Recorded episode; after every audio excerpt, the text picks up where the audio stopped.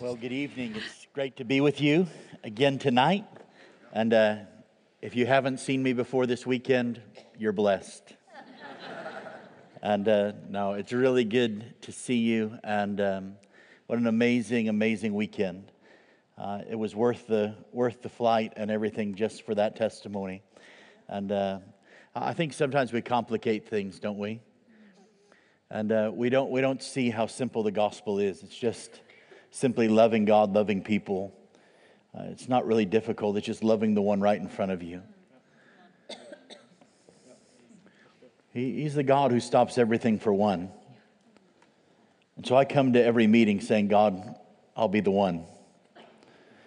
I don't know if you've ever experienced that when you were in the midst of distress or despair, and all of a sudden, God came crashing in. Your life was unraveling. It seemed like it was over, but God. And I think this is a real but God season in the earth. I've got really good news for you. You have already survived 100% of your worst days.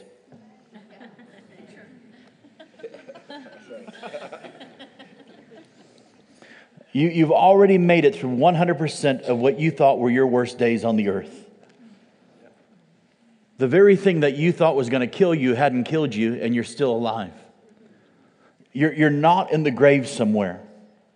But let me tell you something. A lot of times, the enemy tries to get us to be survivors instead of overcomers.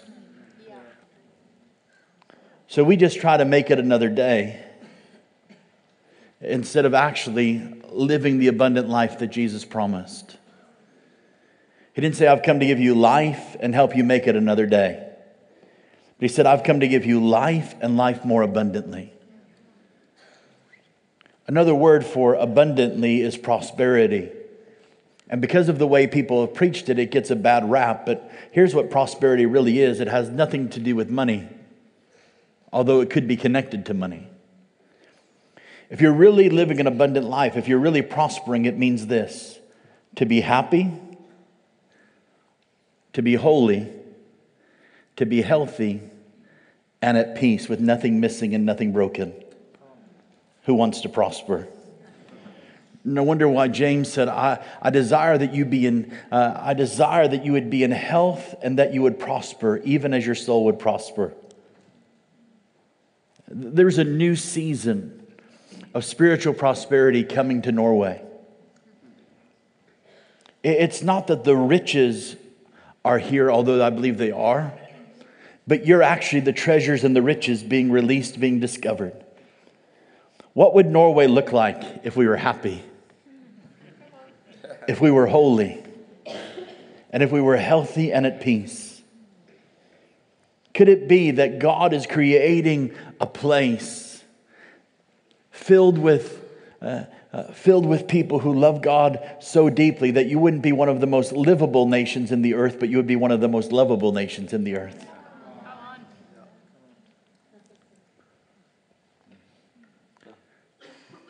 When I landed, it was like the Lord was flying a banner over the nation. As I was just coming through the airport, grabbed my bag, my feet hit the ground. It was like the Lord said, Welcome to Norway. It's like heaven on earth. Or you can say that kind of sounds silly, or you could say, is that prophetic? I believe it's prophetic. Because you can cultivate the, the, the, culture of the kingdom, you can cultivate the kingdom of heaven in the earth so that when people enter in, what would it look like if people landed in this city and as soon as their feet hit the ground, they were healed?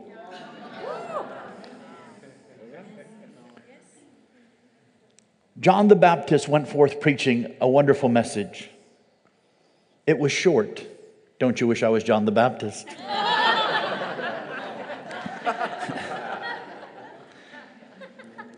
Ellie preached a great message this morning. I said, I've never heard so much said in 30 minutes.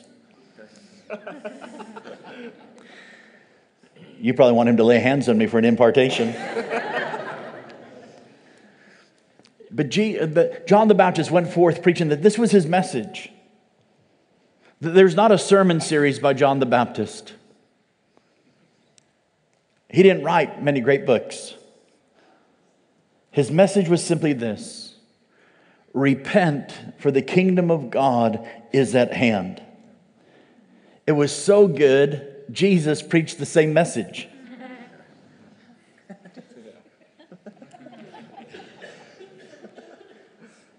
What was Jesus for? Repent, the kingdom of God is at hand.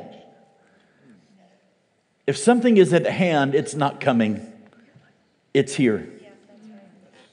So if the kingdom of heaven really is at hand, it means this it means it's so close I can actually reach up and grab a hold of it. We're trying to pray down what's already here.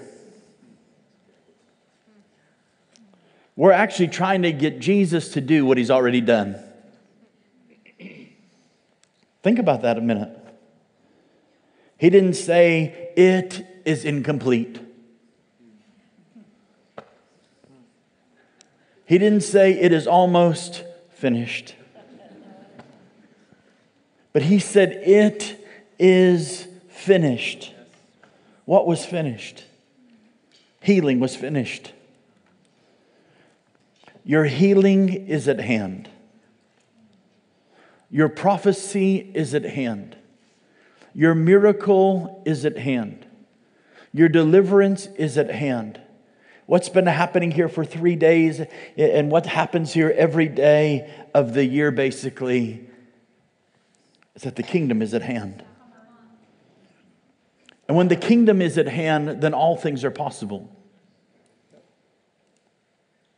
Come on, I believe that the Lord wants to expand the expectancy of the people of God in Norway.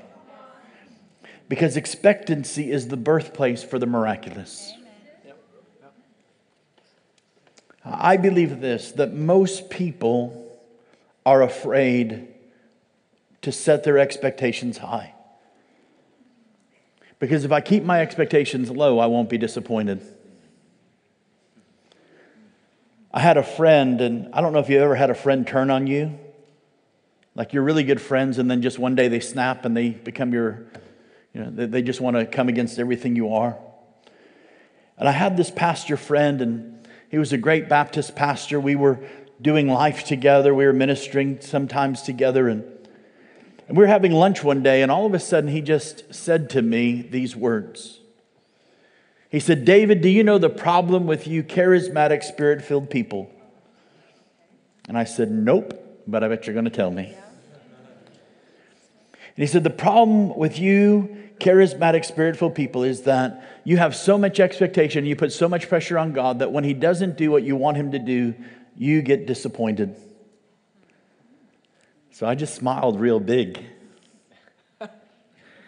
do I look disappointed to you? And the Lord said the only reason he doesn't believe because he's afraid of being disappointed. And as soon as I said that to him, like tears started streaming down his face. And he started speaking in tongues right at the table. He, he was so afraid of being disappointed, he never asked for the gift. He was so afraid of it not happening that he never dared to ask. And I'm telling you right now that this is a season and a time that God wants you to be a limitless church because you serve a limitless God. I'll never forget the day the Lord told me these words. It was real, edifying. He said, you're, You know, you're the only limitation I have.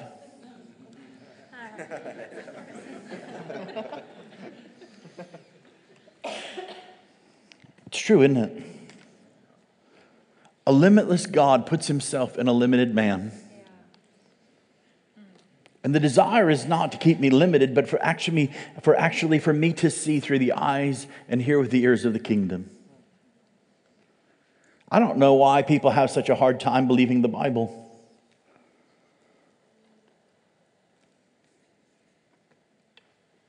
I'm just going to let that sit for a moment. How many know healings in the Bible? prophecies in the Bible. Nowhere in the Bible do I read these words. I'm going to come and I'm going to release a revival upon you. I'm going to pour out my spirit upon you. And then after a certain amount of time, I'm just going to take it back.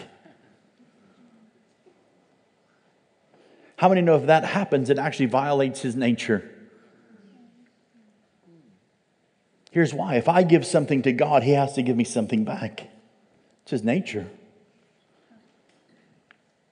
And he won't give me something and then take it away from me. He gave gifts to the church. And although many people think that there were all of this time that nothing was happening, let me tell you something. You may not have heard about it, read about it, but I'm telling you, there was stuff happening. God was just looking for people who believe. A year ago tomorrow, I'll never forget it. 4:44 in the morning, September 11th. I'm in a hotel room north of New York City. And the Lord wakes me up. I don't know why the Lord can't wait for a more convenient time, like seven. But 4:44 in the morning, he wakes me up and he asks me this question. I was getting ready to preach that morning, and he said, David, are you going to just discuss my word or do you actually believe it? And I think what happens a lot in the church is we discuss it, but we don't actually believe it.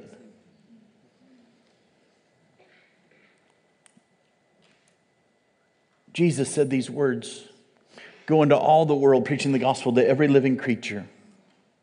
He who believes shall be saved, but he uh, who doesn't believe will be condemned. And these signs will follow the charismatic celebrities. And these signs will follow the people I see on God TV. And these signs will follow the apostles, the prophets, the pastors, the teachers, the evangelists. And these signs will follow the people who go through the right school of ministry or Bible college or seminary. Doesn't say that at all, does it? And these signs will follow they that believe. In my name, they'll lay hands on the sick and they shall recover. In my name, they'll cast out demons. In my name, they'll speak in other tongues. People all the time come up to me and they say, David, do you mean God speaks to you? Like I'm crazy. So I turn the tide on them. I mean, you mean God doesn't speak to you? I'm not the weird one. Makes them real confused.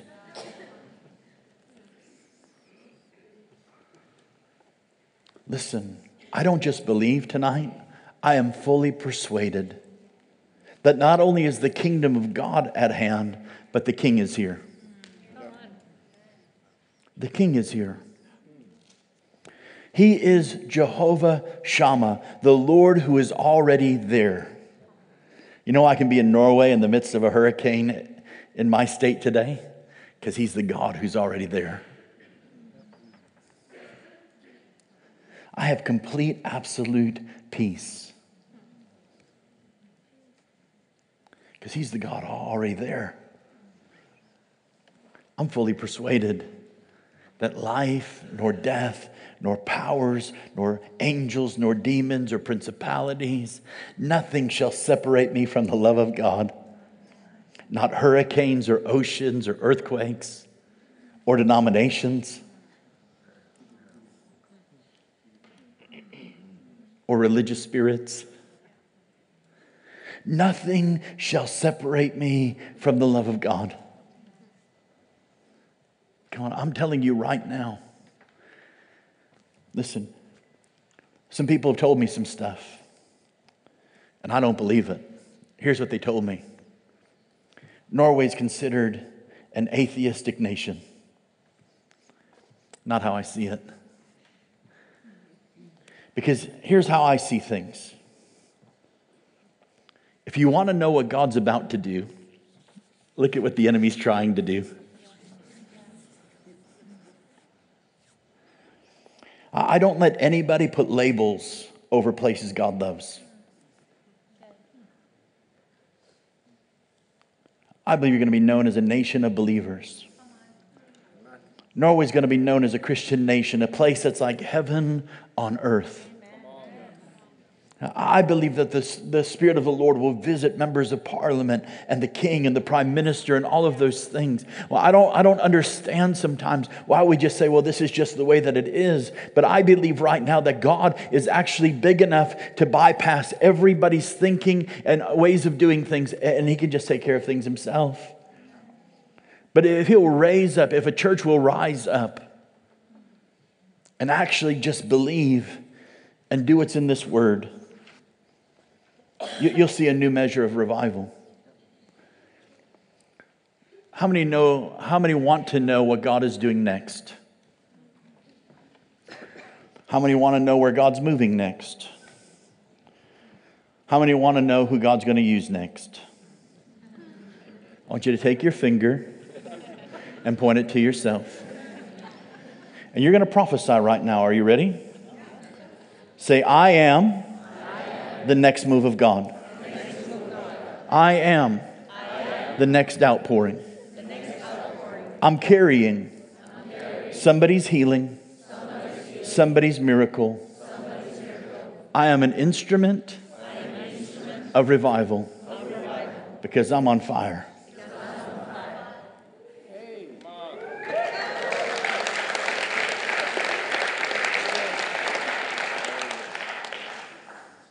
Everybody got a prophetic word now, we can go home. Listen, I really believe that God is up to something historical. He's up to something historical in you. He's up to something historical in me. Uh, I was telling my wife, I said, Man, these people treat me so good.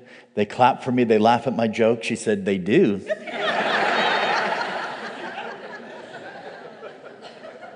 I said, they feed me real well. And uh, I said, just pack up the kids and come here. They don't have hurricanes here. Uh, and, uh,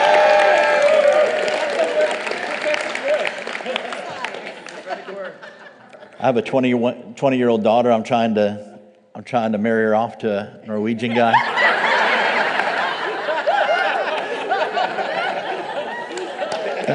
that wasn't a wink. That was just a tick. I just had, and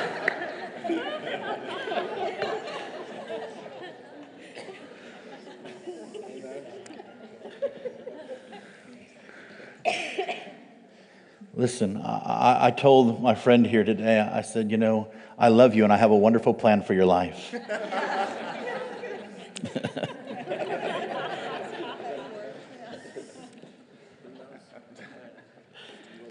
I shouldn't have said that out loud. I'm sorry, man. Will you still love me tomorrow? Okay. That's because you saw her picture. Uh, and, uh,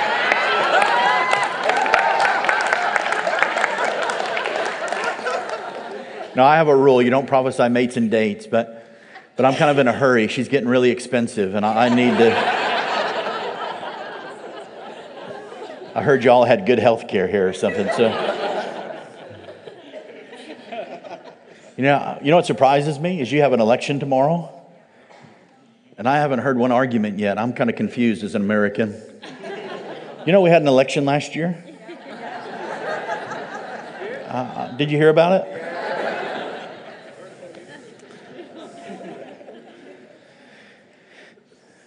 Did, did you feel like the rest of the world, like, this is the United States of America and that's the best they can do? Yes.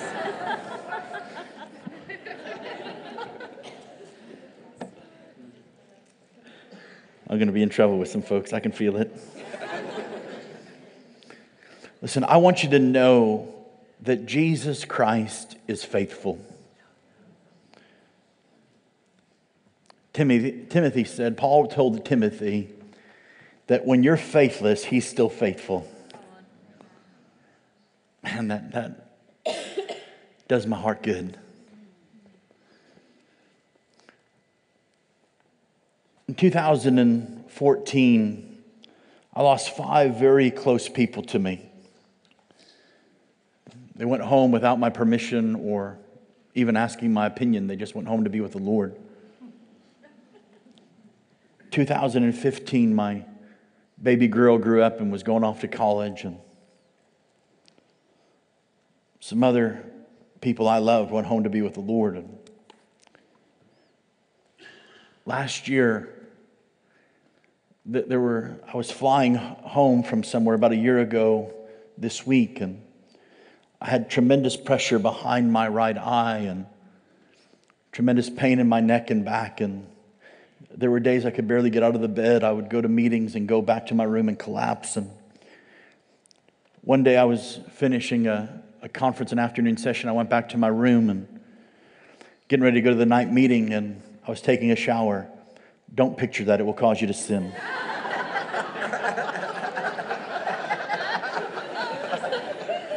Lord, right now, just heal them in the name of Jesus. I bind the spirit of lust.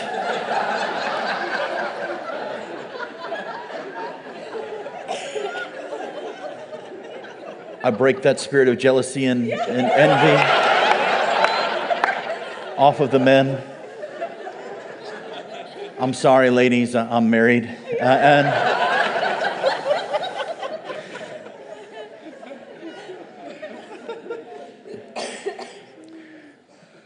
And I shut the water off and I went to grab the towel. When I turned my head, the lights went out. And I completely couldn't see. I didn't go unconscious, but I, I couldn't see. My, my eyesight was gone.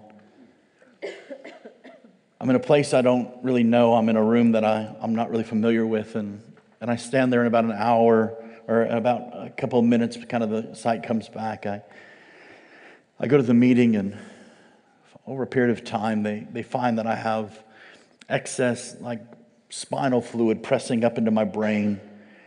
And I've got slip discs and different things, and I'm in pain. And I have all of these things going on physically. I've, I'm grieving for all the losses emotionally.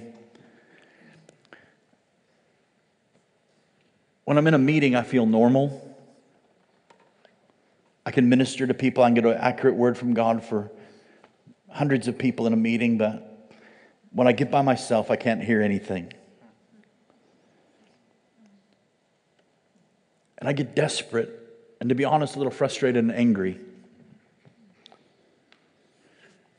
And I begin to cry out to God, maybe even shaking my fists a little bit. And I said, God, how come I can hear you for everybody else, but I can't hear you for me? And he said these words that I didn't like at the time, but I've grown to love. He said, Son, the teacher never talks when he's giving a test. Because he's already given you everything you need to know to pass the test. And then he said these words to me probably some of the most powerful words Jesus himself has ever spoken to me. He said, Son, the fruit of my faithfulness is greater than the pain of your process. And I settled something right there that in the midst of my pain, He's still good. In the midst of my darkness, He's still good in the midst of my loss and my grief. How many know it, it, the Bible says that He is familiar with my suffering? Why? Because He went through it.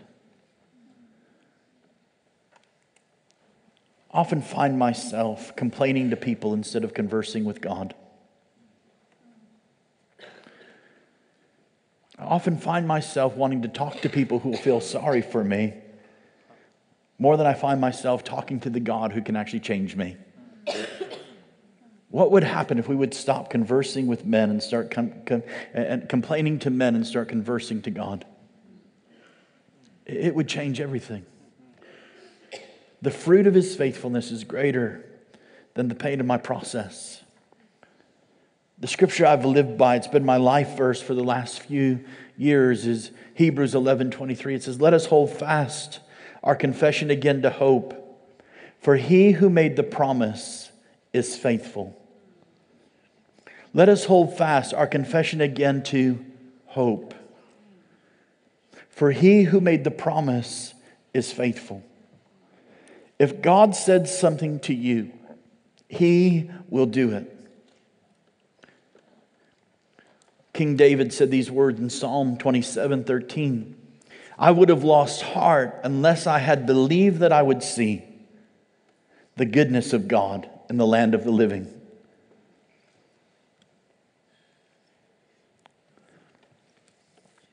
I started getting my health back. I was traveling again. I was just met Leif Hetland for the first time. We did a conference in Atlanta. And I went home from his conference, and my wife was up visiting my daughter at her university, and I was taking care of my boys. And at nine o'clock on that Sunday night, I was putting my boys to bed and laying down. I called my wife and said goodnight. And about 30 minutes later, as the boys were falling asleep, I received the phone call no husband, no father ever wants to hear. I just heard fire engines and ambulances and sirens. And my wife said, We've been in a crash, and I don't even know if we're okay. I was seven hours away by car. No flights could get me there till the next morning.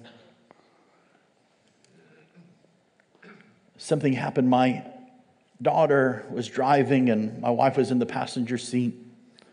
And a drunk driver came up at 55 miles per hour, about 100 kilometers an hour, 90 kilometers an hour, and hit them from a dead stop. They didn't see her coming because the headlights were off. Upon impact, it lifted the car. My wife said she had actually looked out the windscreen and, and see the pavement. And upon impact, Holy Spirit spoke to my daughter, and this is what he said You're going to be all right. Hit the gas, baby. Hit the gas. And she hit the gas pedal and accelerated through the intersection, which saved her from being hit on each side. I said, honey, what did his voice sound like? Did he scream it at you? Did he whisper it? Did you just know? He said, sounded a lot like you. I'm not saying I'm the Holy Spirit. Because I think the Holy Spirit sounds a lot like my wife. In case she's watching.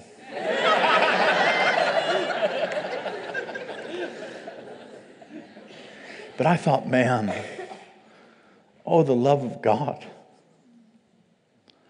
the faithfulness of God to speak to my baby in a way that she would know this is the voice of her father.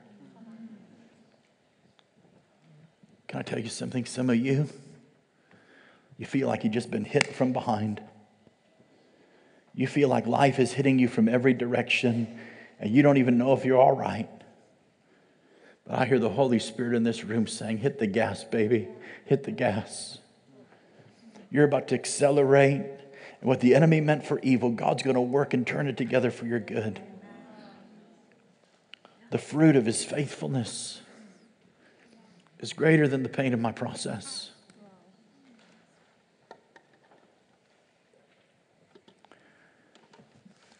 I don't know about you, but I love the promises of God. Anybody love the promises of God? Now, how many of you love the processes of God? You're strange. no, you're, that's smart, actually. I love the promises of God, but the processes of God, not so much. If you go to Hebrews chapter 10, verse 32, there's an interesting verse there. And that verse says these words that after the illumination, you enter into the fight of affliction. After the illumination, you enter into the fight of affliction. Let me just make it very simple for you.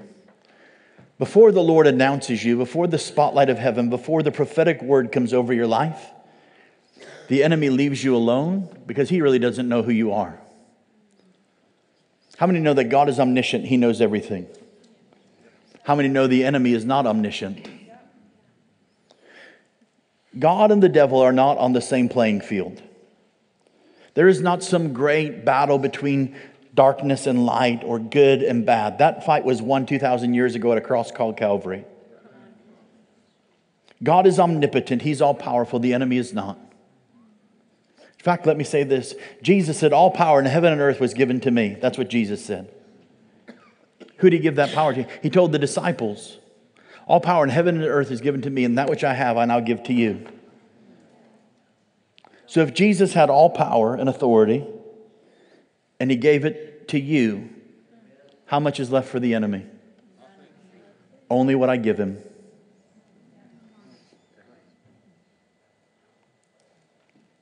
God is omnipotent. He is all powerful. The enemy is not. He is omniscient. He is all knowing. The enemy is not. The enemy only knows your past. Why do you think he uses guilt, shame, and condemnation? And he only knows this about your future, whatever God lets him know. Before the, the word of the Lord came to me that I'm going to go around the world preaching the gospel, the devil left me alone. But the moment the light of illumination came upon me, all hell broke loose. Every time I get a prophetic word, it brings me into a new season of warfare. Because anything worth having from God is worth fighting for. But can I tell you something? It is completely different.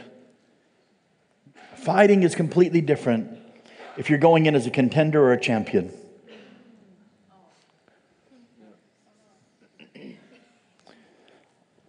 If I'm going to go into a fight that I know I'm going to win, I go in a whole lot different. See, I don't pray for victory, I pray from victory. I don't pray for peace, I pray from peace. I don't pray for healing, I pray from healing. It's not about position, it's about posture. I posture my heart towards God. I posture my heart towards everything He said. And some of you, the reason that you're going through what you're going through isn't because something's wrong, it's because actually everything's right. Because the enemy never attacks a retreating army, only an advancing one.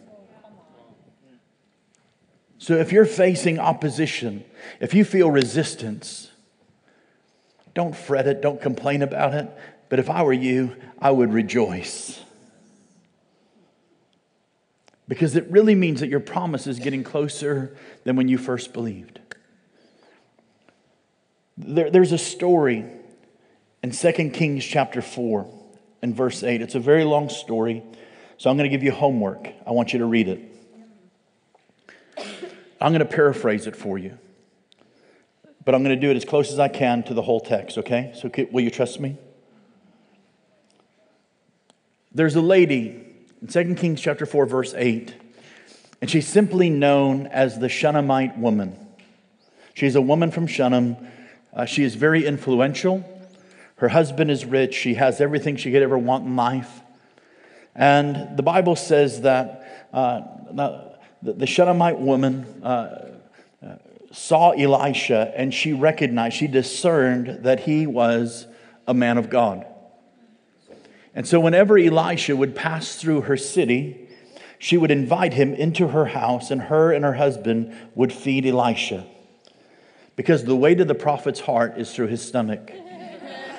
I added that part.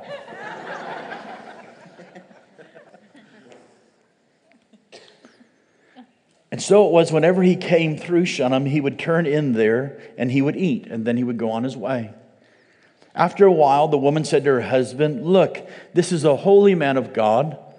Let us put an upper room, let us make a prophet's quarters for him, so that every time he comes to town, he can come in there, he can eat, he can rest, he can have a space to prepare. And so they put a bed and a table and a chair and a lamp.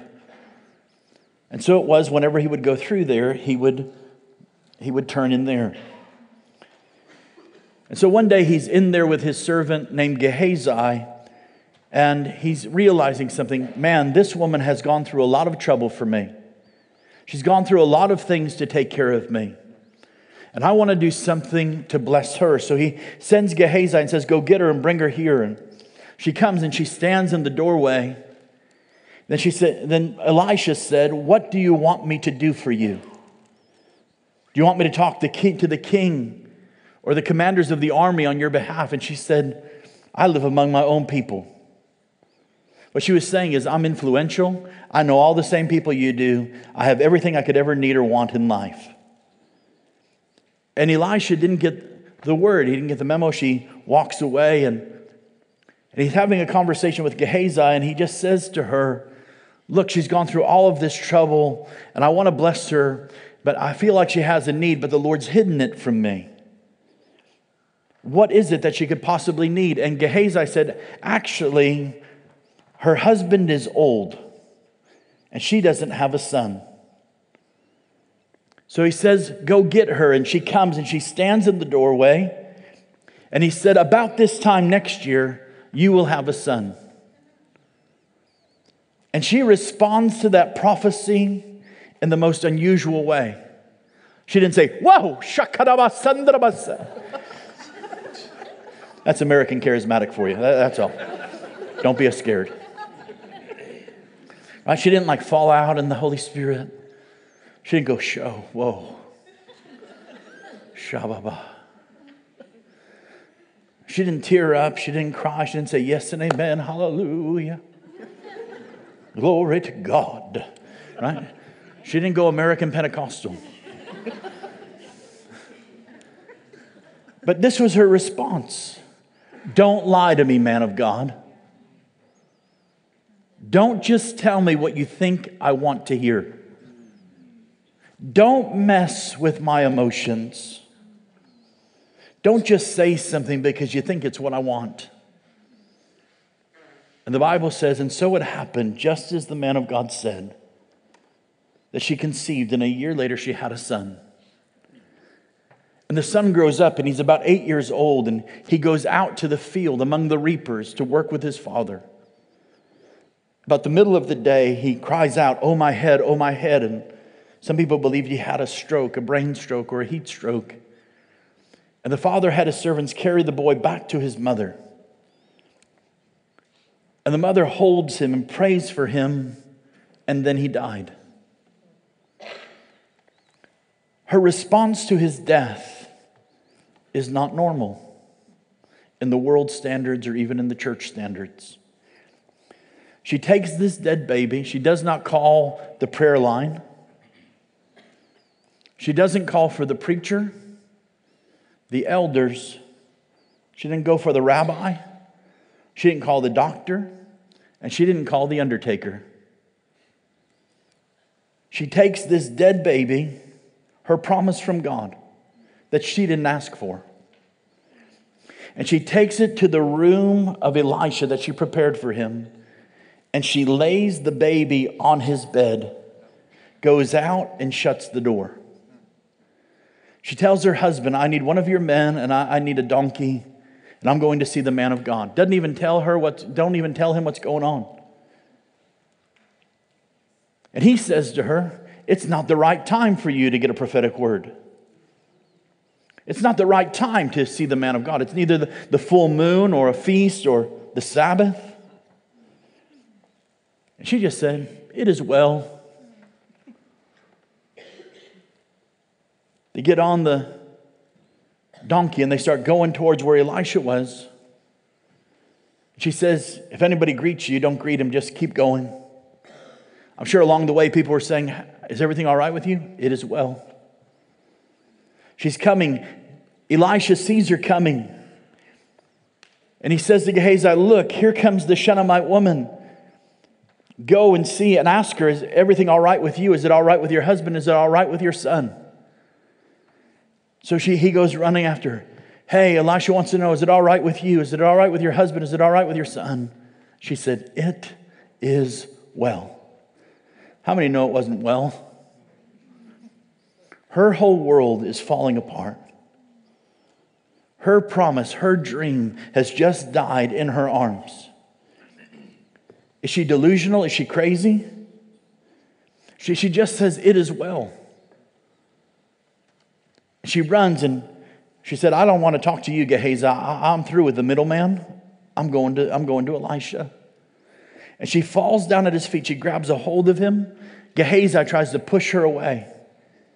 And Elisha said, No, there's something, her soul's in deep distress, and the Lord's hidden it from me. And here's what she says She said, Did I not tell you, man of God, do not lie to me? Did I ask you for a son? Did I ask the Lord for a son? Didn't I tell you, do not lie to me? My son you promised is dead. What are you going to do about it? And Elisha said, Hey, Gehazi, take my staff, go lay it on the child. Pray, see what happens. And she said, No, no, no. You can send him, but I am not leaving here without you. You're coming with me. How many know you don't mess with mama? And Gehazi goes ahead and he puts the staff on and he prays, but there's neither voice, nor hearing, nor sight, nor life, nor breath. He comes and tells Elisha as he's on his way, nothing's happening. The boy's dead. Now he's been dead for hours. I don't know what you thinketh, but he probably stinketh.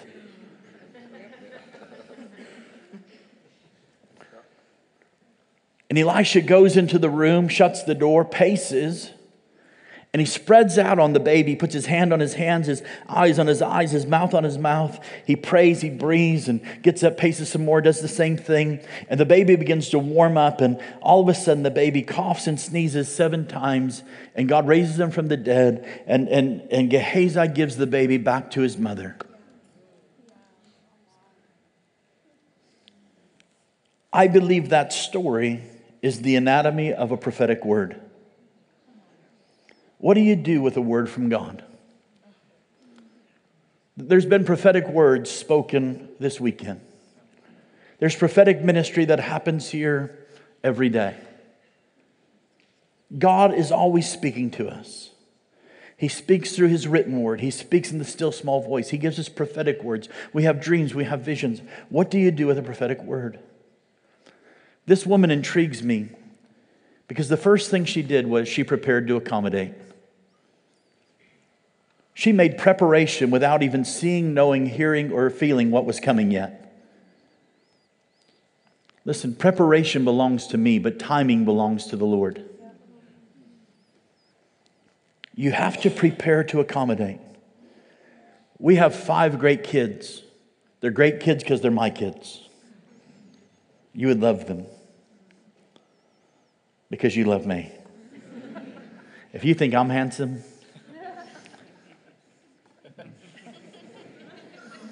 You should see my boys. They look just like their father. I don't know what's happening. And uh,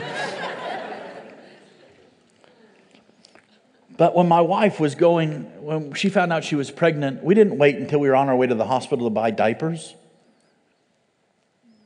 or to get bottles or to set up a crib or a bassinet. Almost immediately, we're finding things and preparing for what was coming nine months ahead of time. Preparation belongs to you, but timing belongs to the Lord.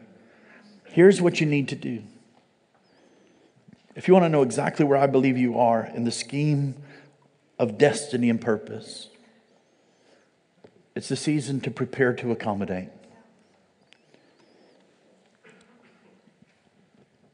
Prepare to accommodate. There's thousands coming.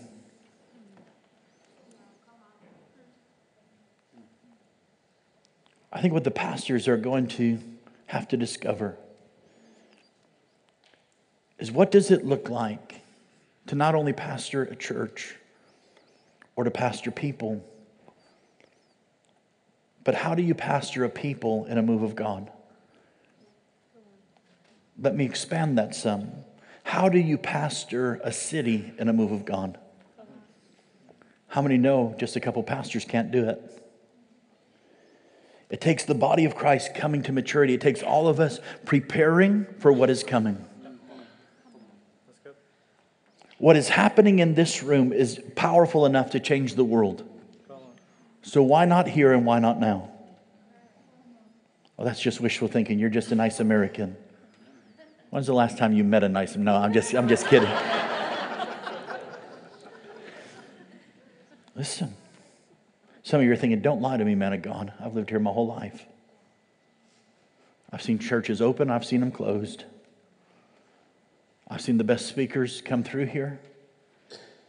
Listen, I'm telling you right now, the winds of change are beginning to blow. And the winds of change are blowing through the winds of worship. You're going to watch the Lord blow from the North Sea down. You are a funnel nation, the finger of God nation that's going to begin to, to release the overflow of God into Europe, into North America, into Russia, into Asia. Well, that's a big word. Good thing you've got a big God. You've got to prepare to accommodate. It won't happen if you just sit in church. God never called you to be a great church member. You should be. But his desire is that every member becomes a minister. Prepare to accommodate. The second thing this woman did was she positioned herself. She stood in that doorway and positioned herself. Some of you right now, God's not positioning you on a platform, He's positioning you in the secret place. He's put, positioning you, He's posturing your heart in the place that you've been preparing. She stood in that doorway and she received, the third thing she did was she received a word from the Lord. God is causing you to step into a season to receive like you've never received before. The fourth thing she did was she tested the word. You don't have to take my word for it, but I would test it. I submit every word. That's why I say everything in the microphone. I want everything recorded. You can test the word. Bring it to people you trust. Bring it to pastors. Bring it to elders. Bring it to leaders. Say, This is the word over my life. What do you think? What do you believe? Test it. This woman tested the word in an amazing way. Don't lie to me. Some of the greatest moments I've ever had is when people respond that way to me.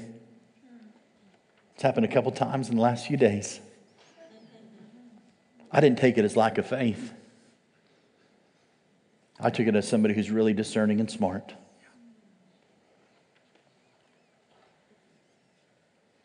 Test the word. Here's why because the word will test you.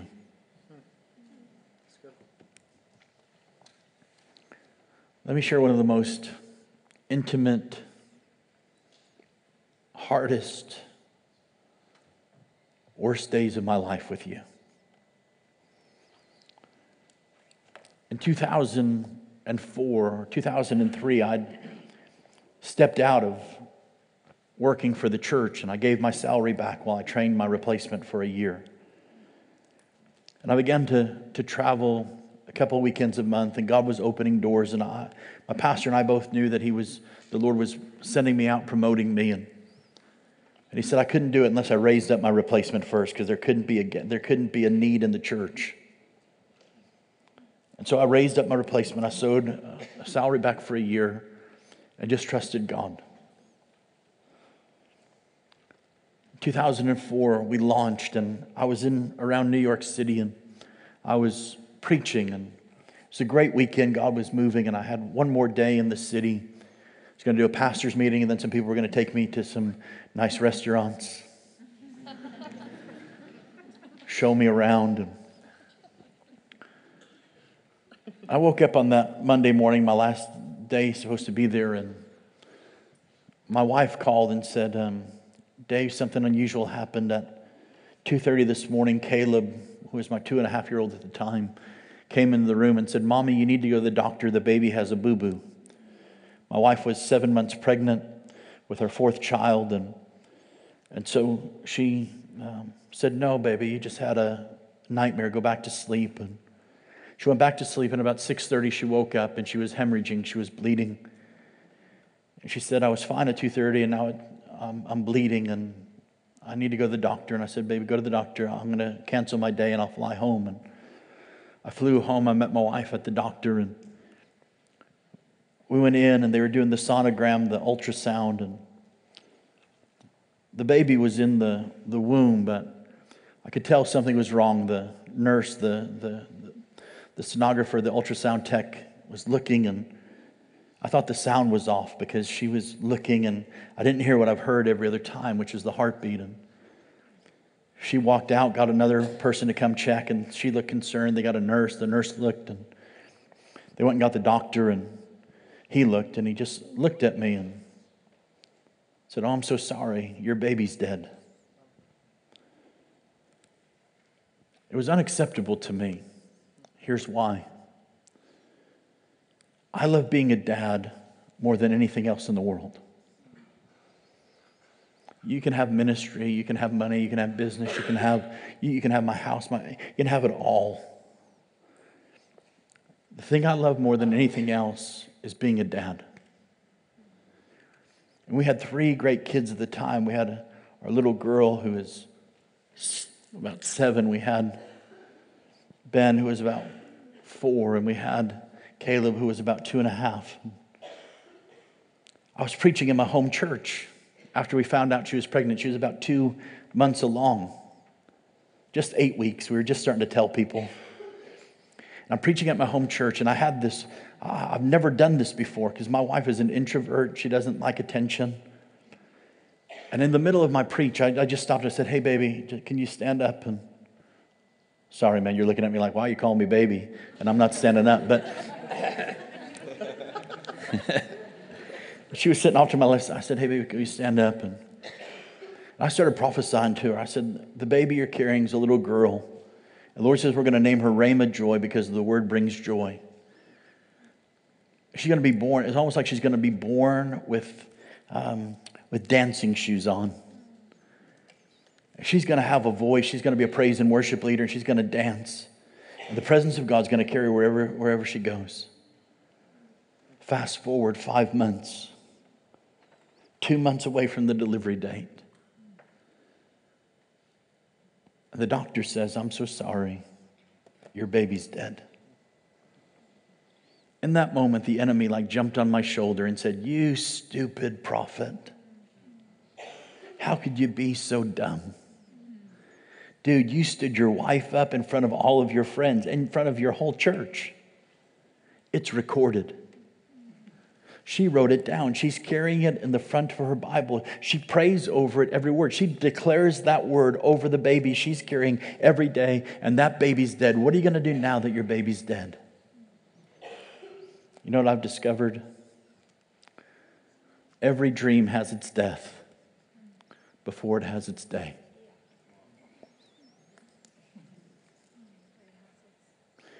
It seems to me that every dream has its death before it has its day.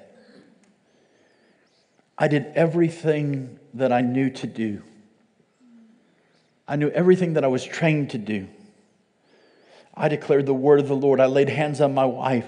I spoke life into this baby. You're going to live and not die. I did all of that. And nothing changed. I made them look again, and nothing changed. The doctor said, I'm so sorry. You're going to have to go to the surgical center, and you're too far along, and you're going to have to birth a stillborn baby. I just took my wife and we ran to the church. And I, I remember falling, bringing her in, and just sitting on my pastor's couch in his office. I told him what happened. He began to weep with us and pray for us. And he said something about the mercy of God, which I didn't like to hear. Then all of a sudden, my spirit overrode my flesh and my emotions, and I just began to scream this out God, even if you slay me, even if you kill me, still will I trust you. My pastor prayed. We kind of got ourselves together and we went home to tell the kids there'd be no little baby sister. So I put the kids on the couch and tried to explain the situation the best I could to a seven, a four, and a two and a half year old. And I said, um, I have something sad to tell you. The mommy and the, the baby inside mommy's tummy is, is not alive. There's not going to be a baby sister. They began to cry and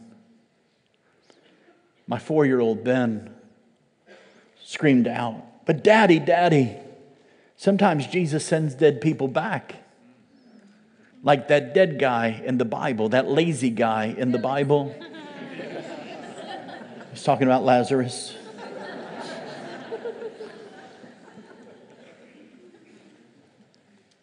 I said, I know, son, it's just not going to happen this time. And all of a sudden, my daughter, seven years old, speaks up and she said, Mommy, Daddy, Jesus didn't lie to you.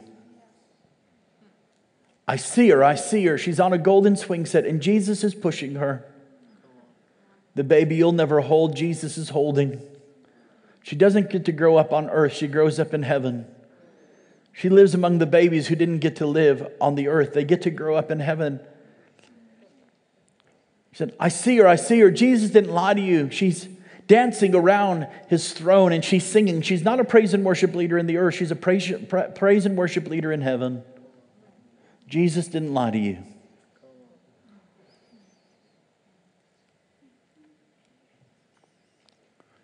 And I began to reap what I'd sown. As I prophesied over hundreds and thousands of kids. What do you do when the dream dies? What do you do when the promise is dead? What do you do when the baby's dead?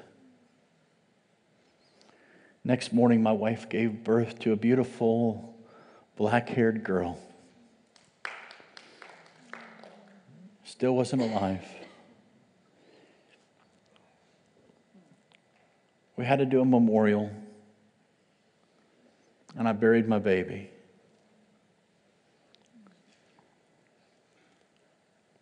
Got my wife home It's about the weekend, and Sunday came, and my wife wasn't ready to go to church, but I took the kids. I came to church, it was baby dedication Sunday. And when I'm home, I prophesy over all the babies. There were eight that day. First one was a little girl with black hair. Probably one of the hardest mornings of my life but I did my job. I came off the platform and we had a guest speaker that day named a, uh, his name was Dwayne Allen. He's a great nephew of A.A. Allen, a healing revivalist, 50s. Came down off the platform to my seat and he grabbed me by my shoulders and he said, The Lord wants to know what you want, man of God. You want boys, you want girls, you want twins. So I acted like I was going through the drive through at McDonald's. I said, I'll take two boys. I'll take a Joshua and an Isaac. And I didn't tell my wife because we'd already had the conversation. We weren't going to have any more. And anytime I brought it up, she made this sign. And I don't know what that means, but looks pretty painful to me. And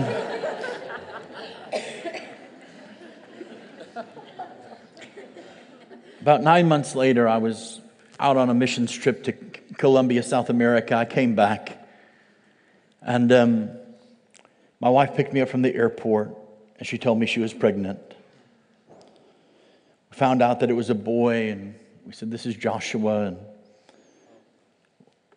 every time we would go to the doctor, we'd have to fight fear because I was afraid that we'd walk in and the baby would be there, but no heartbeat. Nine months, perfect pregnancy. And on November 1st, 2005, it was his day to be born. The birth thing was going perfectly. I didn't feel anything.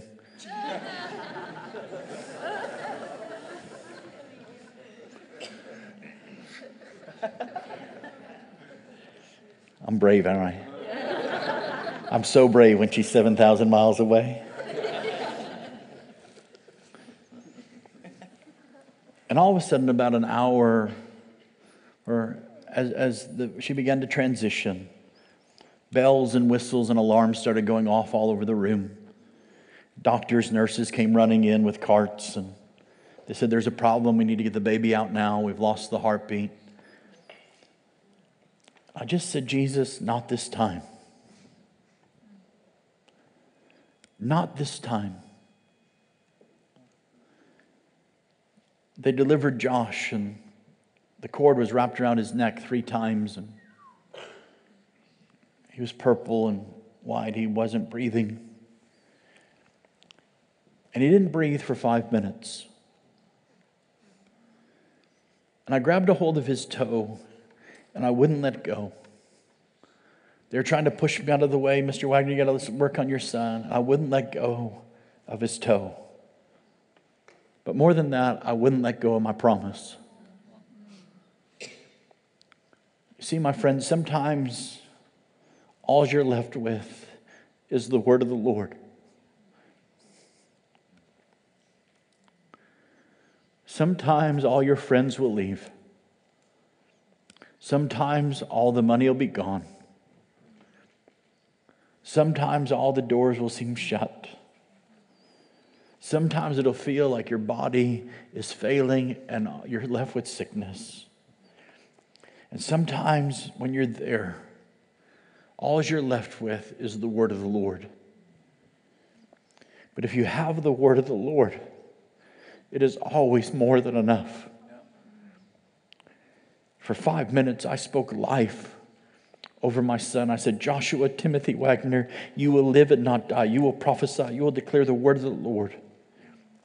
And after five minutes, he let out the largest scream I've ever heard.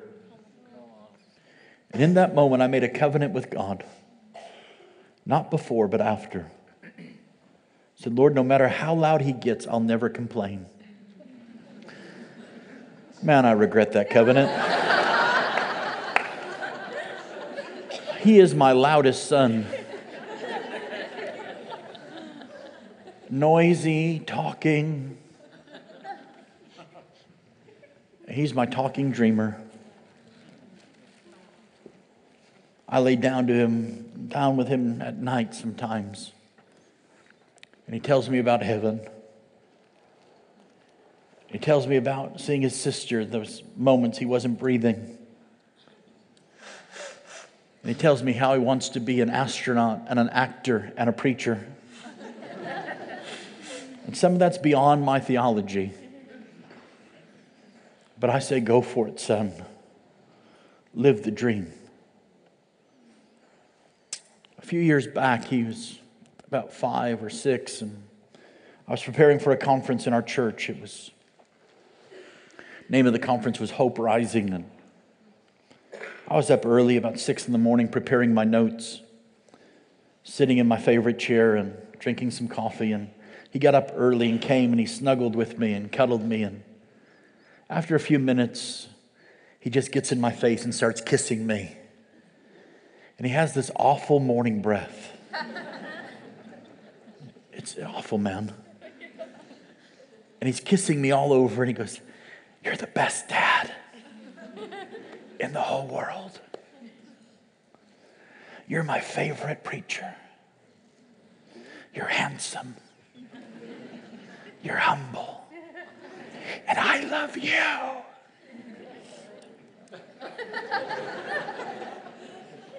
I'm like, go brush your teeth, dude. And I could tell after a few seconds he's working me over for something. And he just says, Hey, dad, mommy is still asleep. I said, I know. He said, So can I have an ice cream?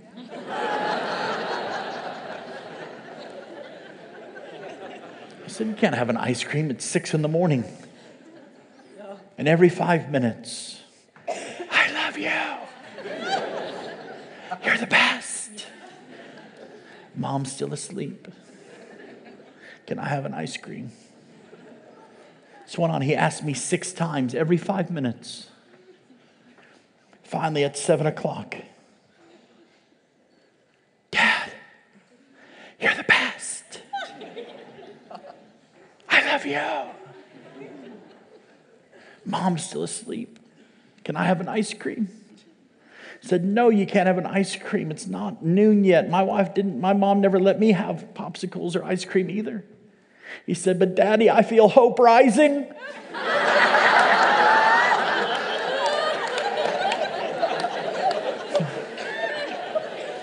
now, you may call it manipulation, but I call it faith.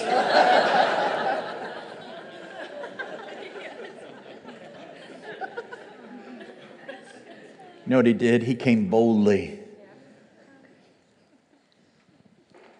You know what I learned in that moment? He knew that if I could, that I would.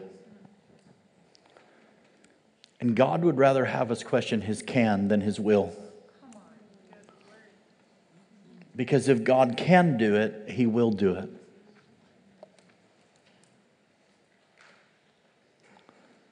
And I said, buddy, go in there and get you an ice cream and bring me one too. we had a popsicle ice cream party at seven in the morning. So there.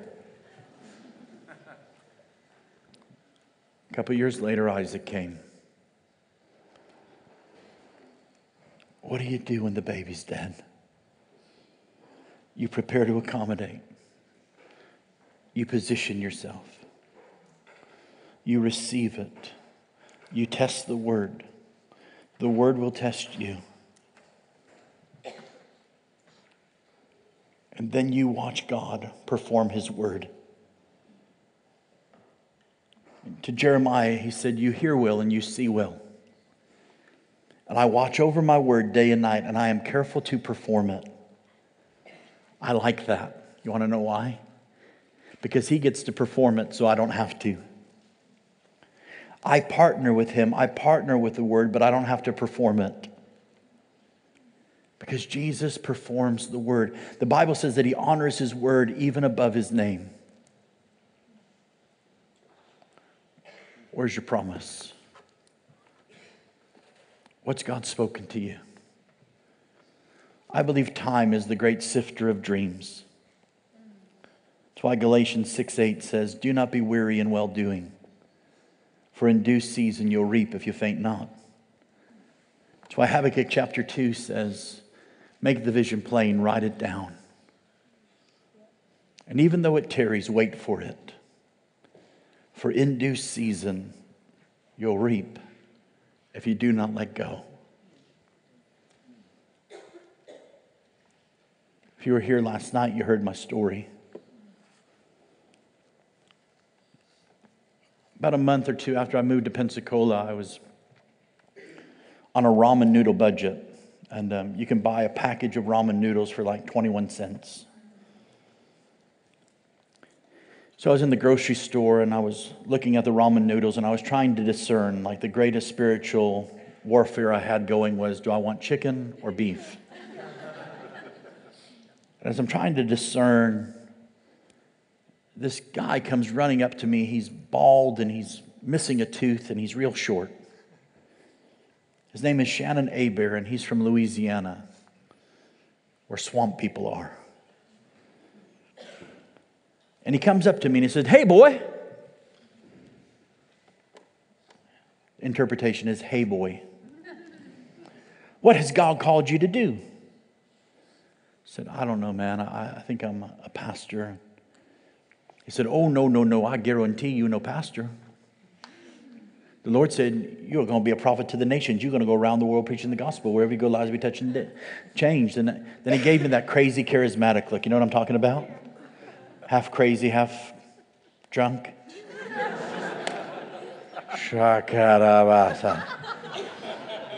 and he gives me that look and he said, I guarantee, boy, you're going to raise the dead. Freaked me out. This wasn't church. This was the grocery store. And I went home that night and I made the ramen noodles.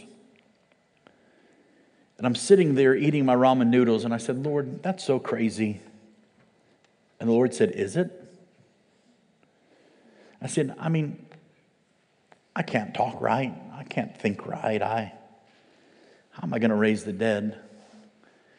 And he just said, You'll never see anybody raised from the dead unless you pray for dead people. So I asked myself, where are dead people? So I went to the church. No, I'm just kidding.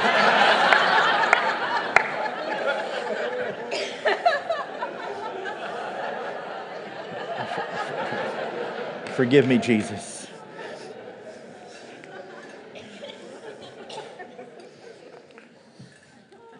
I read the obituaries. And I'd find out there was a, a wake, a visitation, and then a funeral. So I put my suit on and I went to the funeral home. And I stood in line to pay my respects to somebody I never met. It would go like this So sorry for your loss. John was a good man. Oh, he loved hunting and fishing. Oh, he was my best friend. I'm so, so sorry. I'd go to the casket. I'd say, Hey, John, can you hear me? If you can hear me, John, open your eyes. If you can hear me, John, squeeze my finger. Don't pull it. Squeeze it. In the name of Jesus, I speak life into you. Arise and shine. And nothing happened. So I'd go to the next funeral. And I'd go through the line and pay my respects. Hey, Mary. Can you hear me? If you can hear me, open your eyes. In the name of Jesus, come up.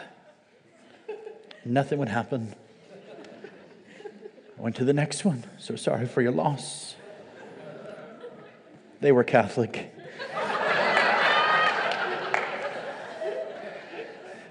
Bob, Bob, in the name of Jesus, come up. And I prayed for a hundred dead people in the funeral homes of Pensacola. And then I got caught.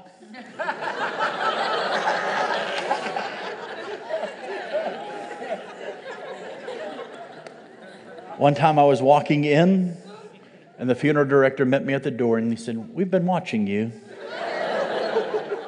and there is no way you know every dead person in Pensacola. and they threatened to put a restraining order against me.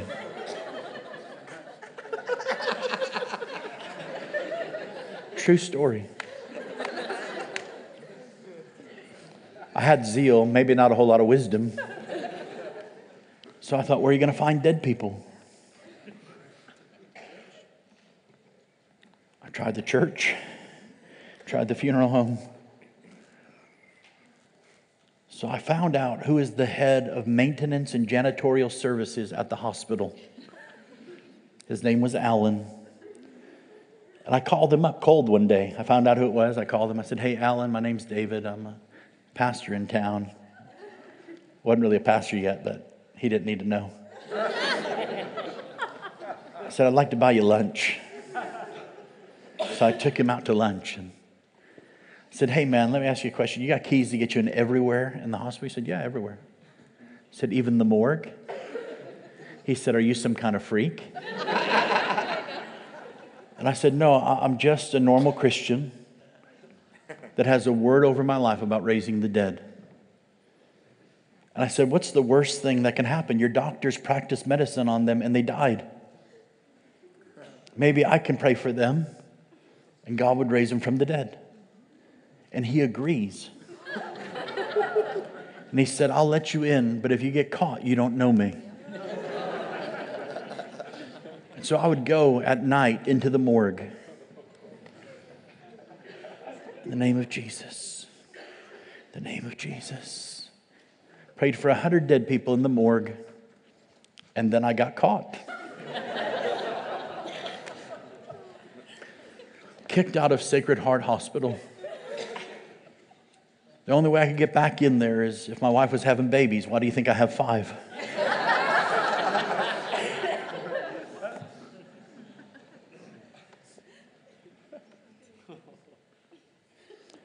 Dave, did you get discouraged? Just got more and more convinced that it wasn't a matter of if, it was just a matter of when. 2008, I went to Uganda for the first time. I'm out in the village and there's 40,000 people at a meeting. There's a little girl on our team. She's 18 years old with blonde hair and blue eyes. And she tells me, she said, Brother Dave, you want to know what I'm believing for? I said, What are you believing for, Christy? She said, I want to see what has never been seen before. Something leaped on the inside of me. She was about to see it. That first day, she found this mama holding a severely deformed baby. who was missing an eye, like completely eye gone, blind in the other, deaf, deformed, um, uh, couldn't walk, couldn't talk, just completely blind. And she prays for this baby, and the first day, the Lord creates a brand new eye and opens the other one. The next day, she prayed for him, and he could hear. She, he was responding to sound. Third day, he said, Yesu, Jesus in his native language. Fourth day, we watch as every deformity left this little four year old boy, completely healed. 10,000 people came running to Jesus just with the miracle of one boy. Didn't happen through Benny Hinn, didn't happen through Bill Johnson or Heidi Baker. It's an 18 year old girl who wanted to see what had never been seen before. Word spread, and all of a sudden, this mama carried, was carrying this baby that was sick with malaria. He was about four years old as well named Samuel. She carried him from the Congo border. She walked for, for three days to where we were. Six hours before she got to where we were, the baby died in her arms. She had to make up her mind do I bury my baby here? Do I go back to my village and have a funeral and bury my baby there? Or do I keep on coming for my miracle? She kept on coming with the buzzards circling, with the flies everywhere, with rigor mortis setting in. You know what a, a body smells like after six hours and 100 degrees? Not so good. It stinks. She's watching her promise wither away, dead right before her eyes. And she keeps on coming. And she keeps saying this to herself I will not be denied. I will not be denied. I will not be denied. And she gets to the platform of this meeting. Clinic is closed. We're in the middle of a meeting, and there's commotion off to my left side, and there's people trying to keep her down and away. She takes the dead baby's feet and starts beating people out of the way. And she comes on the platform and she lays the baby at my feet. And she said, My baby's dead. What's your God going to do about it? It was not time for a theological discussion. It wasn't time to say, Are you a Lutheran? Are you a Baptist? Are you a Pentecostal? Are you charismatic? Desperation married to faith always gets the attention of God. To be honest with you, I prayed afraid because it was the weirdest thing I've ever done. Well, other than going to a funeral home and a morgue. and I prayed for this baby, and I will be honest with you, I felt nothing. I didn't get a goosebump. I didn't shake. I, I didn't manifest.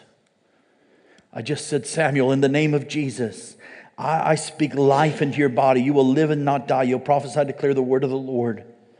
And all of a sudden, his rigor mortis body went limp. His body that had open sores on it completely closed up. His breathless body began to breathe. He sat up, he coughed, he sneezed. We gave him some water and matoke, some smashed up plantain. And two hours later, while we were preaching, he was playing soccer behind the platform. Because our God is the God who raises the dead. He's the God who raises the dead.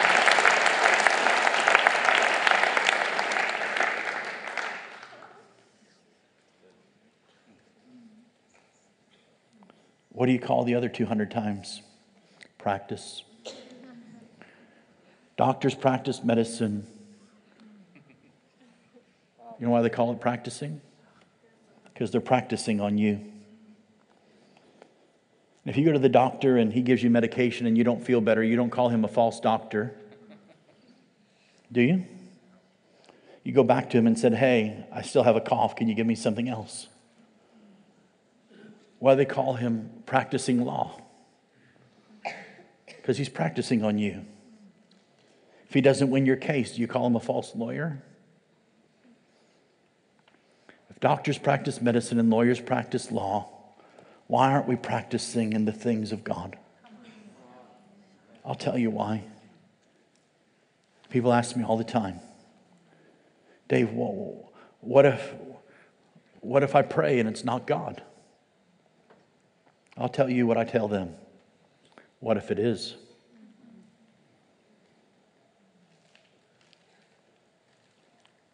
Didn't happen 200 times, but on the 201st time, it happened.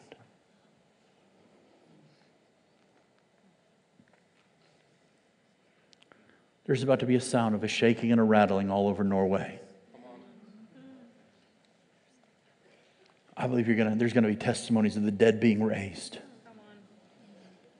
Some that are spiritually dead, some that are emotionally dead, some that are physically dead. You can think I'm crazy if you want to, but I'm just telling you what I see, what I know, and what I felt from the Holy Spirit. You're on the verge of one of the greatest moves of God the earth has ever seen since the book of Acts. And you've been in a season of preparing to accommodate it. What does it look like to host His presence? What does it look like to, to host a move of God that's not just about meetings and conferences, but it actually invades the streets and the communities in which we live?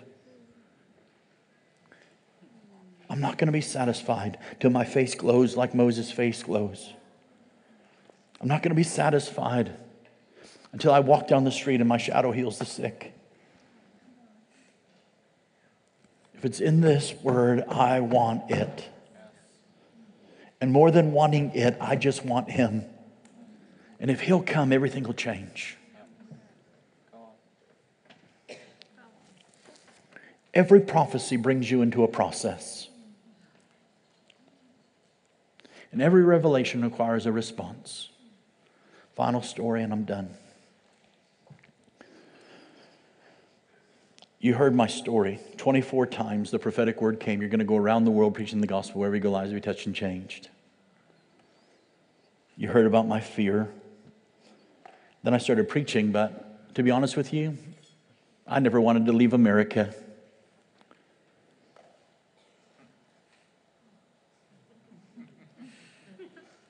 I liked it. Baseball, hot dogs, apple pies. I was comfortable. My first assignment in the church was I was the janitor and the cook of our Christian school. I oversaw some volunteers, and we had this crazy lady that volunteered for us. She was her name was Sixta McKeel, and Sixta was from Panama in Central America. She had a wild story. She had this scar that went from her ear to her throat, where she had been in knife fights. She said stuff like this I used to be a mean, mean woman's. I was into witchcraft. She, she couldn't say witchcraft, it always came out witchcraft. And to me, not much difference. And she gets born again, she gets saved, and she meets her husband. We had a U.S. Air Force base in Panama, and they get married and come to America. Revival hits their life, and she's filled with the Spirit. Revival's hitting her life, and everything's going right. She gets hit with pancreatic cancer, withers away to about 70 pounds. They remove her pancreas, and she goes completely blind. Right in the middle of revival. She died, and they put her in the morgue of West Florida Hospital in Pensacola. She was in the morgue for nine hours. After being in the morgue for nine hours, uh, they brought in another body, and as that guy brought in that other body, they saw the sheet moving. Curiosity got the best of him, and he moved the sheet. And Sixta opened her eyes and said, Sancocho, por favor. She asked for a type of chicken soup from Panama. He ran out, changed his pants, and brought her some soup. She died blind, but woke up seeing. For the rest of her life, we have the medical documentations in our church. The rest of her life, her pancreas grew back. At 65 years old, she decided she wanted to be a missionary back to Panama.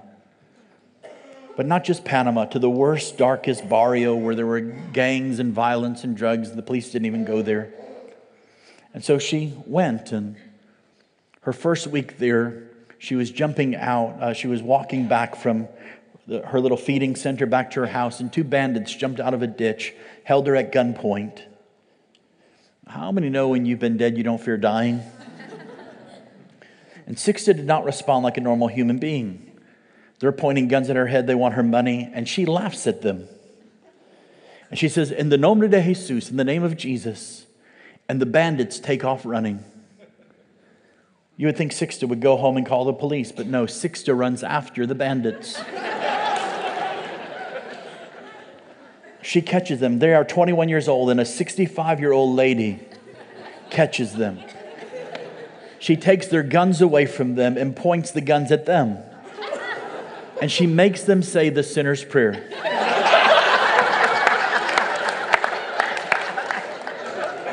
I'm not saying that's how you do evangelism, but in Panama it worked. And these guys became her disciples, and even to this day, they're evangelists. Sixta was back in Pensacola on furlough. She was raising funds for her work there. So she was volunteering in the kitchen. And uh, this woman, she was crazy. Okay, maybe not crazy, but she, she was crazy. like, she believed God for everything. She was uh, always having these encounters with God at the most inconvenient times. Serving lunch to kids, and all of a sudden, where's Sixta? She's on the floor. Te amo, Jesus. I love you, Jesus. No hay nadie como tú. Nobody touches me like you, Jesus. Más y más, Señor, more and more, Jesus. I'm thinking, get up, we got lunches to feed. Most, sometimes I think it was the flesh. It always happened when I was doing dishes. She's on the floor making grease angels. I love you, Jesus. Like, Jesus, knock her out on your own time. She's working for me. She drove me nuts. Every day she would come in. Oh, Davy, I've been praying for you. I said, Thanks, Sixta. When are you going to go to my country? I said, I'm never going to your country. When are you going to go to Panama? I said, I'm never going to Panama. She said, Oh, silly Davy. I asked the Lord, and the Lord, He said, Yes.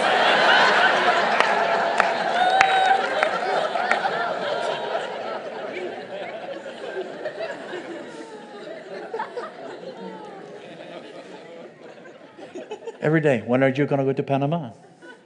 So never going to Panama. I like America. Pensacola. Chicago.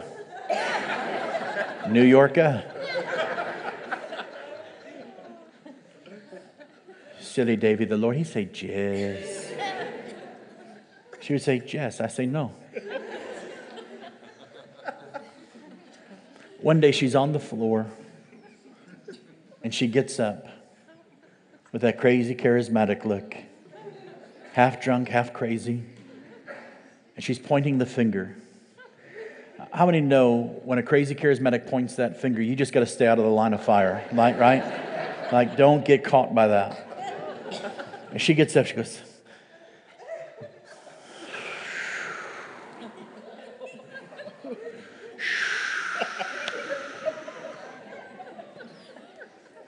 Everything you don't like about charismatics, that's what she was. Every stereotype of the charismatic, that's Sixta. She goes, Shakara She goes, I so tired of hearing Jew testimony. I so tired of hearing the prophetic word over Jew life. Jew gonna go around the world preaching the gospel. Wherever Jew go, lives to be touched and changed. I was on the floor right there. And I say, Lord, and he say, Sixta. I say, Lord, he say, Sixta. I say, Lord, why Davy go nowhere? And the Lord, he say, you no have a passport. She grabs me by my ear,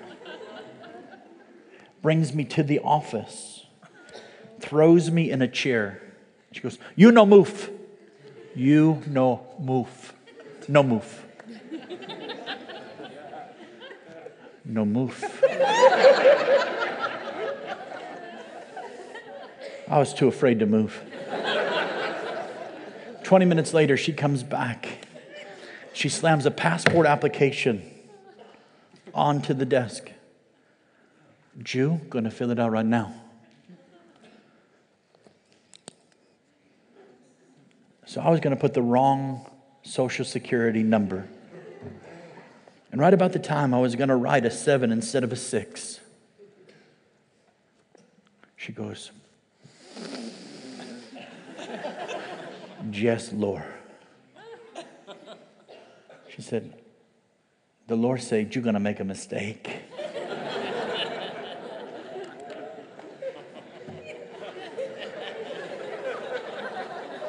but no worry. If you do, she had a whole stack of passport applications.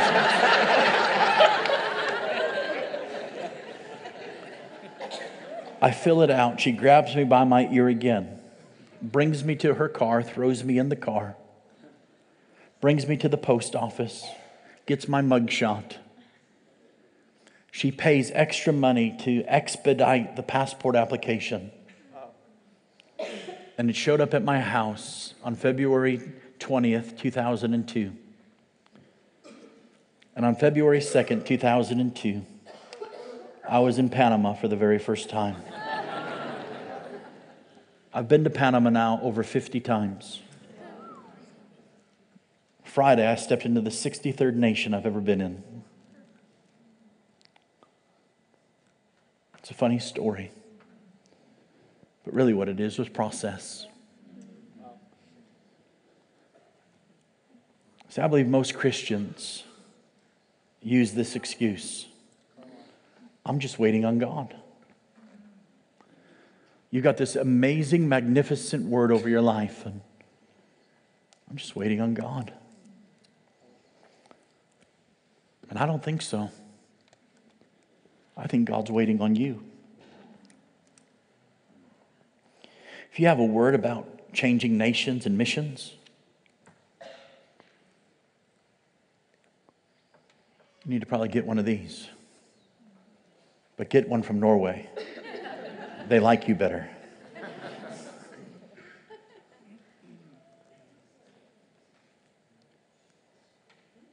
How many know without this, I would have never got out of America or into Europe? Well, Dave, that's so practical. Absolutely. If it's not practical, it's probably not spiritual. You got a prophetic word about business. Should probably get a business degree. Draw up a business plan. You got a word about preaching. Should probably start reading your Bible. Too much? You should probably develop a prayer life. You got a word about being a millionaire, a bazillionaire, a ganillionaire? Don't just go to the post office box and look for the check. Ask God for an idea. Are you hearing me tonight? Are you preparing to accommodate?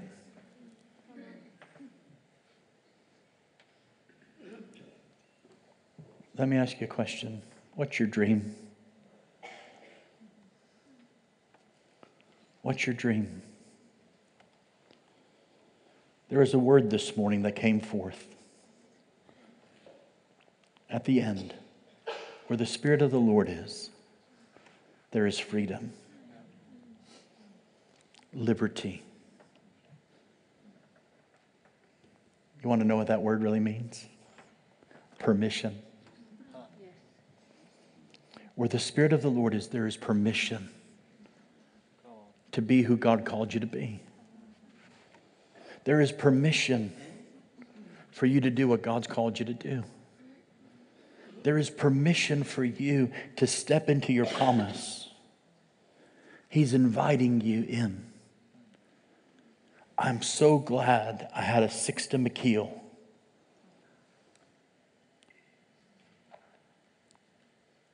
You know what the Bible says? We should provoke one another to love and good works.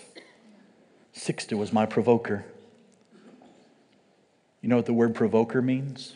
Like a flea on a dog. Sixta was my flea. She was my Holy Spirit parasite that made me itch until I got on a plane and went to Panama. You may say she sounded crazy, but if it weren't for Sixta McKeel, David Wagner wouldn't have been with you for the last three days. She's gone on home now to be with Jesus a couple years ago. She was one of the five. I'm sure glad she was in my life.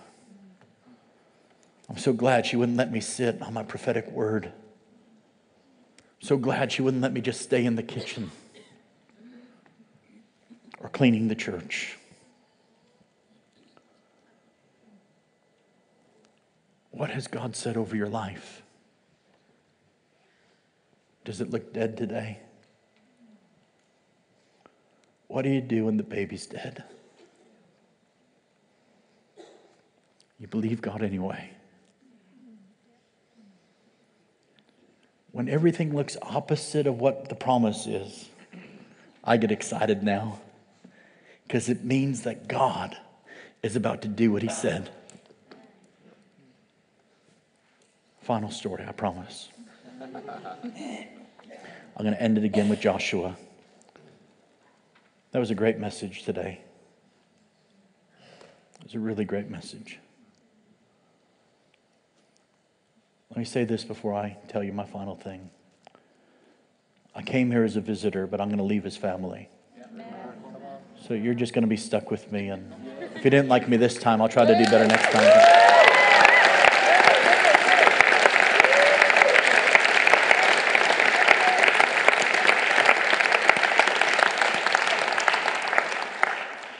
Y'all have pickled herring and it's not even Christmas.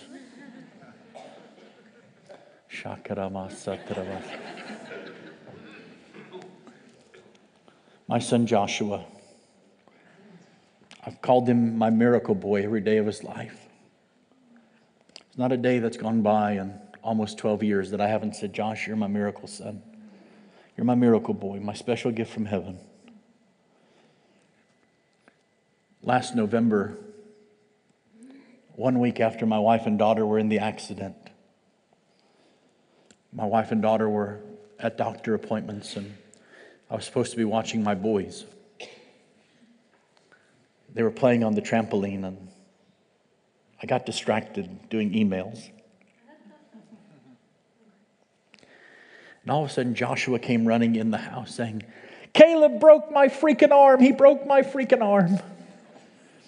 And I was like, dude, you're dramatic. And I looked at his arm and I thought, a frozen bag of peas, sit on the couch, you'd be okay.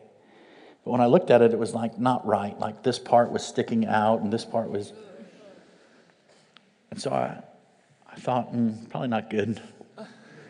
So I thought to myself, I'm just going to, um, I'll take him to the doctor and I'll be back before my wife even knows.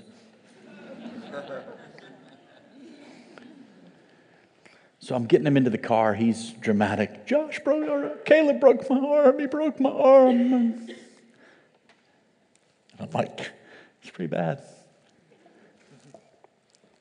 And I'm getting him into my truck to go to the, the, the emergency room. And my son, 17, Ben, he's smart. He just came out and said, Dad, um, are you going to call mom or should I?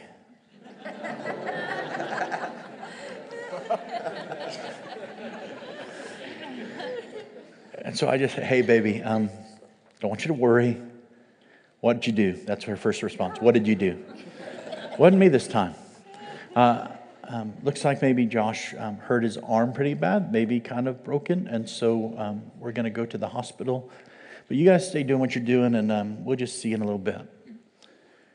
She goes, I'll meet you there. Because you're not going to ask the questions I'm going to ask. She's very into details. I walk Josh into the emergency room and his arm is all kind of crazy. When you know it's bad when you walk in and the nurse looks at you and goes, "Oh."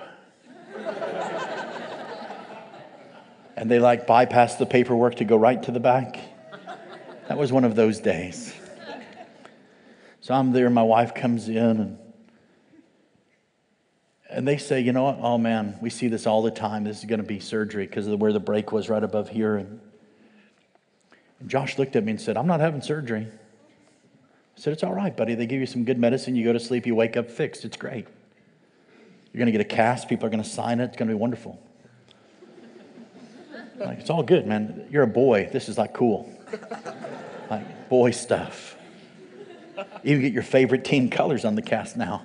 Always when I was growing up, all you got was white. That's boring.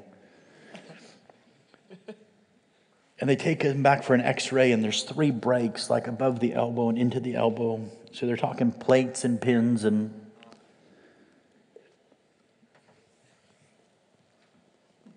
And they said, okay, we're going to start the drip. We're going to get him comfortable.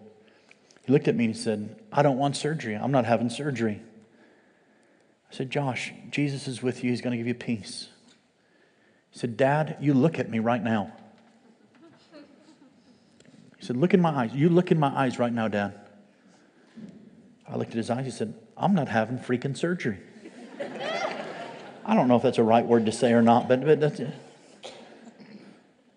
I said, Son, it's going to be all right. He said, Dad, every day of my life, you told me that I'm your miracle boy. So why is today different than yesterday? And I don't need you to tell me that it's going to be all right. I need you to pray like you prayed the day when I wasn't breathing.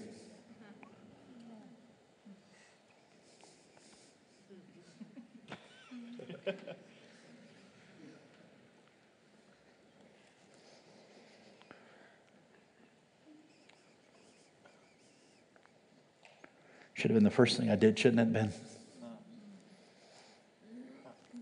But sometimes we think, you know, this is just little thing. Jesus didn't really need to be bothered with that. But if it mattered to Josh, it mattered to God. And I prayed and I prayed and I said, Doctor, I need you to take another x ray. He said, Mr. Wagner, we do this all the time. I've done two of these surgeries today. Here's all the evidence you need. It's right there. Said, I'm asking you man to man, father to doctor, do another x ray. He said, but your insurance won't cover it. I said, I'll, then I'll pay for it. He was mad about it. They took another x ray, and when they came back, the bone was perfectly set. No, no surgery. They put him in a little sling and a little splint. Three weeks' time, completely healed.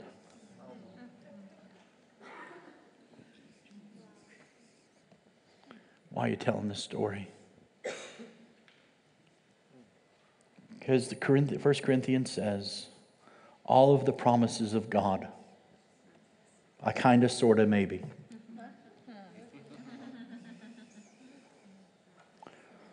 all of the promises of God are yes, and in Him, amen.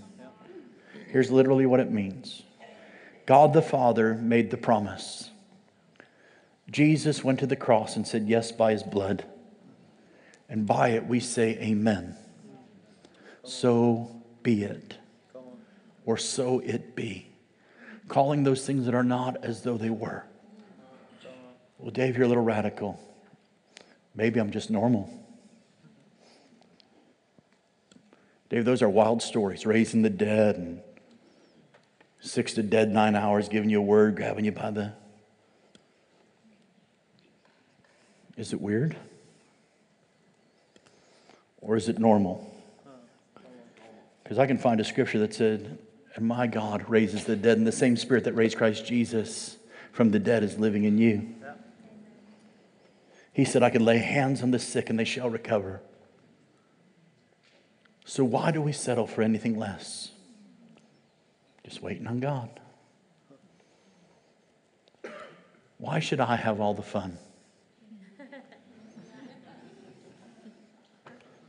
You know what you need? An adventure. Norwegians are adventurous by nature. You go outside when everybody else goes inside.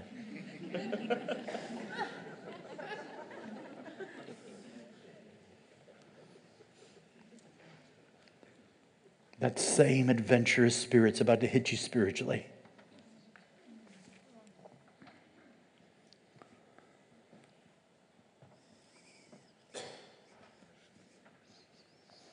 Help me land the plane, Jesus. You're here tonight. You've had prophetic words. The Lord's spoken to your heart.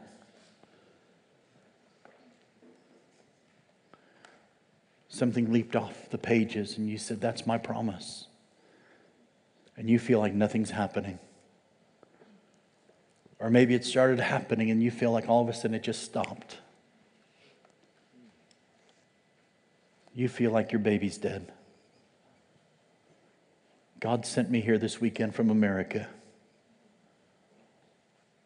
to release resurrection life into every promise and every dream. If I'm talking to you, I want you just to stand to your feet right now.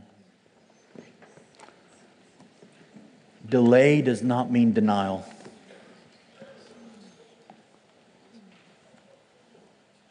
I've got good news for you. The promises of God are conditional. Normally, the two conditions are this faith and obedience.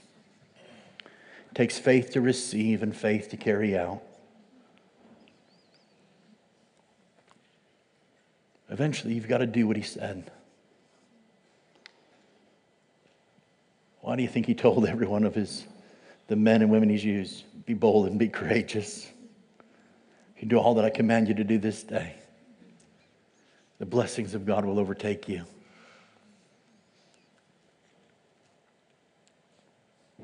I release life right now into every dream ministry dream, family dream, business dream, marriage dream.